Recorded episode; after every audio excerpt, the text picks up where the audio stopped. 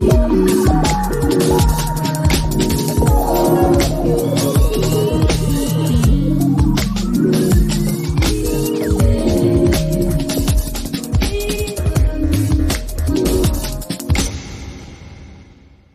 Jedini srpski slikar prve polovine 20. veka koji se školovao u Londonu Vasa Pomorišac bio je i prvi specijalista za vitraž na našim prostorima. Zahvaljujući galeriji Matice Srpske i izložbi koja je otvorena u oktobru prošle godine, dela ovog nepravedno skrajnutog autora ponovo su u žiži javnosti.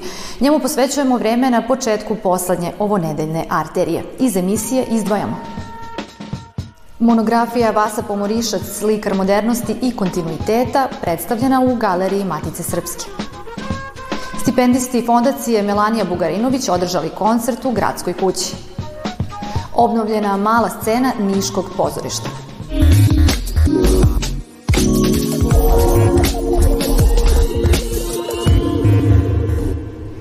175 godina od osnivanja Galerije Matice Srpske obeleženo je nizom publikacija, a poslednja od njih je monografija o nepravedno zaboravljenom srpskom slikaru, čija dela predstavljaju simbol vremena u kojem je živeo.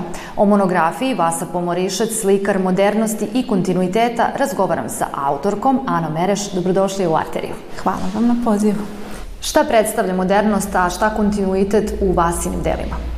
Taj podnaslov monografije, Vasa Pomorižac, slikar modernosti i kontinuiteta, uh, odnosi se na jednu um, zapravo višeslojnost na kojoj je zasnovano čitanje njegovog opusa u ovoj monografiji, koja ga pre svega predstavlja kao jednog slikara modernosti, ne samo zbog tema koje on delom slika, nego i života koji vodi sveta u kome živi različitim e, aspektima modernosti sa kojima se susreće, a kontinuitet se odnosi na tu njegovu neprekinutu vezu sa umetničkim tradicijama, raznim tradicijama, s jedne strane lokalnom umetničkom tradicijom, koja se najviše odnosi na srednjevekovnu umetnost, ali i sa različitim tradicijama evropskog slikarstva koje je stalno prisutno u njegovom radu. Šta vam je bilo u fokusu prilikom pisanja monografije, koliko je trajalo istraživanje i do kakvih ste saznanja došli? Istraživanje je uh, trajalo negde oko godinu dana, što je možda netipično kratko za tu vrstu istraživanja. Meni je bilo potpuno fascinantno um, to što je Vasa Pomorišac od svojih mladelačkih godina proputovao veliki deo ne samo evropskog, nego azijskog kontinenta, što je veoma često e, menjao mesta u kojima je stanovao i veoma se lako i uspešno prilagođavao na različite um, urbane ambijente Londona, Pariza, Beograda. Um, smatrala sam da je to bilo ne samo važno istaći, nego da to daje jedan um, veoma zanimljiv um, ugao za posmatranje njegovog rada kroz te različite sredine, pre svega moderne sredine sa kojima se on susreće u svom životu, što se onda vidi i u, u njegovom slikarstvu. I ta njegova m, zaista fascinantna mogućnost asimilacije unutar različitih ambijenata e, mi je nešto što je bio važan deo, važan posticaj za pričanje, priče o, o Vasi Pomorišću kao slikaru, umetniku. Zahvaljujući izložbi koja traje od oktobra, lik i delo Vase Pomorišca ponovo su u fokusu javnosti. Zbog čega je ovaj umetnik bio skrajnut i smatrate li da je ova nepravda sada ispravljena? Ne bih rekla da je to neka nepravda, to je više način na koji on prethodno interpretiran je odraz duha jednog vremena u kome se takve umetničke pozicije nisu mogle staviti u određene tokove moderne umetnosti, pa su onda bile um, skrajnute ili marginalizovane. Mislim da je sjajno da Galerija Matice Srpske odlučila da prvo pomorišću posveti um, jedan ovako um, značajan prostor, uh, zato što je on ne samo što je i što je izuzetno njegov opus je izuzetno fascinantan, obiman, kompleksan, interesantan i istorijski, ali neke pozicije e, savremenosti, nego i zbog toga što je on bio prilično nevidljiv u izložbenoj praksi. Ja? Poslednja njegova velika retrospektiva i zapravo prva i poslednja je održana sredinom 80. godina. Dakle, nekako je sad zaista bilo vreme da se podsjetimo i da se publika podsjeti, ali da se stručna javnost podsjeti um, njegovog opusa i njegovog mesta unutar istorije moderne umetnosti i ono što mi je posebno drago da je ova izložba čini mi se pokazala kako publika veoma voli izložbe koje su vezane za umetnost prve polovine 20. veka. Hvala na razgovoru.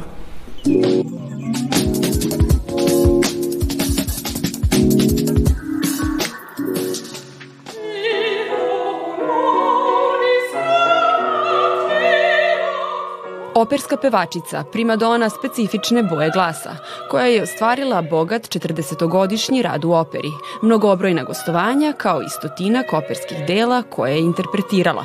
Bila je prva srpkinja koja je dobila stalni angažman u Bečkoj državnoj operi, treća pevačica iz Srbije koja je pevala na bajrojskim svečanostima, jedna od naših umetnica koja je tumačila Wagnerove likove na nemačkim scenama. Sve to bila je Melanija Bugarinović koja je osnovala fond za unapređenje vokalne umetnosti mladih Melanija Bugarinović i čerke Mirjane Kalinović-Kalin u Novom Sadu. Tim povodom održan je i tradicionalni koncert dobitnika stipendije fonda u svečanoj sali Gradske kuće.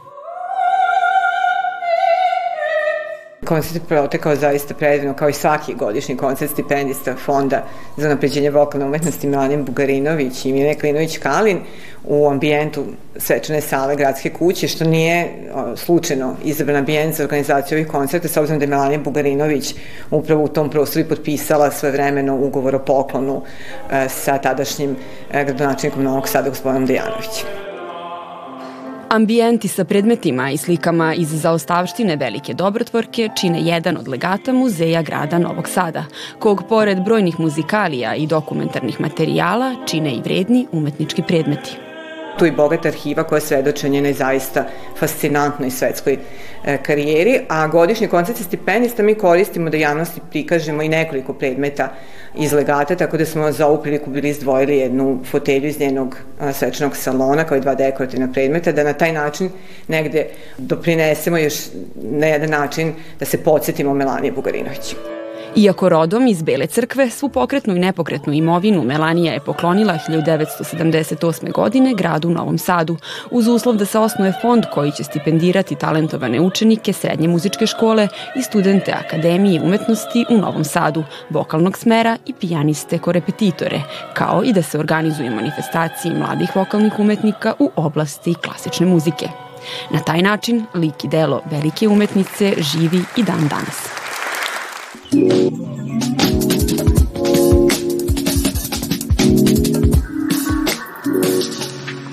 Jedno od najstarijih pozorišta u Srbiji, Narodno pozorište Niš, dobilo je takozvanu malu scenu. To je mesto za izvođenje predstava manjeg formata, predstava koje uključuju direktnu interakciju glumaca i publike i mesto gde će mladi glumci i pozorišni radnici moći da realizuju svoje projekte. To znači jedan potpuno novi scenski izraz, jedan potpuno novi pristup pozorišnje umetnosti, jedan nova prilika da publika dođe u Narodno pozorište Niš i da komunicira sa pozorišnom umetnošću.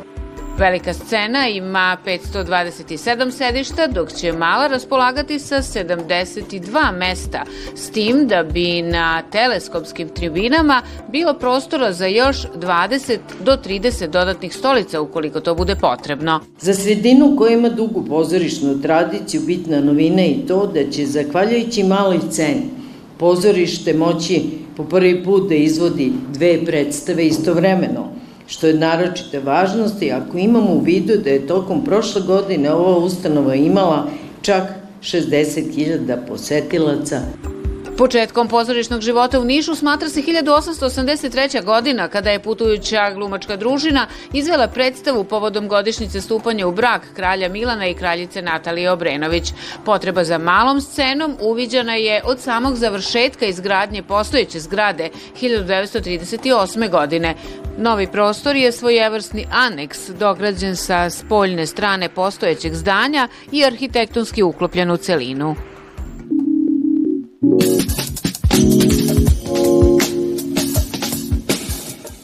U okviru edicije Festovih 50 u izdanju Biblioteke grada Beograda promovisana je monografija o svestranoj ličnosti legendarnog novinara pod nazivom Slobodan Novaković, ličnost kao metafora.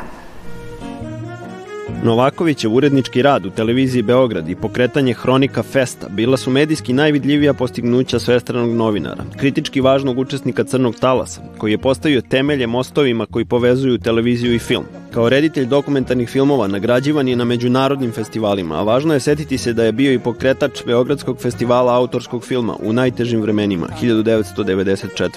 U ovu knjigu ušla je veoma obimna građa, sastavljena iz eh, preko deset Slobodanovih knjiga, od eh, na desetine tekstova eh, eminentnih ličnosti naše kulture, umetnosti, sporta, koji su mahom pisani baš za ovu knjigu i naravno velika arhiva fotografija koja prati razvoj i festa, i televizije, i filmske umetnosti, i satire, i književnosti, futbala naročito. Slobina omiljena knjiga bila je Erazmova pohvala ludosti, gde možemo naslutiti korene njegovih nastojanja da prodrma postojeće forme i strukture, uz večitu inventivnost koja je krasila njegov kreativni rad. Ja se sećam davno, to je bila Beogradska hronika, kada se Sloba sliko kao voditelj sa, ovaj, u kavezu sa lavom ili sa tigrom, I to je bila samo jedan, da kažem, simbol te, tog performansa, ali možda najveći performans jeste bio upravo i ova Hronika Festa za koju danas niko ne bi rekao da je to performans, je to nešto potpuno običajeno. Ali u to vreme to uopšte nije bilo običajeno. Da nije bilo Slobodana Novakovića, ne bi bilo ni prostora za film u radio televiziji Srbije. Osim što je uređivao filmski program, osim što je birao šta će se prikazivati na prvom i na drugom programu, e, tada smo ih toliko imali, Sloba je formirao filmski ukus mnogih filmofila naše kuće. I moram da istaknem da on bio čovek koji je bio ispred televizijskog vremena u Srbiji. I uopšte njegov imperativ je bio menjanje televizijskih formi Sloba Novaković preminuo je 2007. U poslednjih nekoliko decenija života bio je veoma vezan za FK Partizan, kao član uprave, hroničar svih dešavanja u klubu, ali i TV komentator, sasvim unikatnog stila. Evo ga sve bliže, sve bliže. Vidim da se gol približava našima, mada su naši daleko od gola. Predstava Smrti devojka Bitev teatra u režiji Nikole Ljuce biće odigrana u nedelju u 19.30 u pozorištu mladih. Tamara Krcunović, Andrija Kuzmanović i Aleksandar Đurica doneće priču o osveti, poverenju i razumevanju u kojoj se preispituju najtimniji odnosi, ali i skriveni strahovi. Bila bi to naša preporuka za predstojeći vikend, a naša ekipa vas čeka u ponedeljak u 22.35 na prvom programu RTV-a. Doviđenja.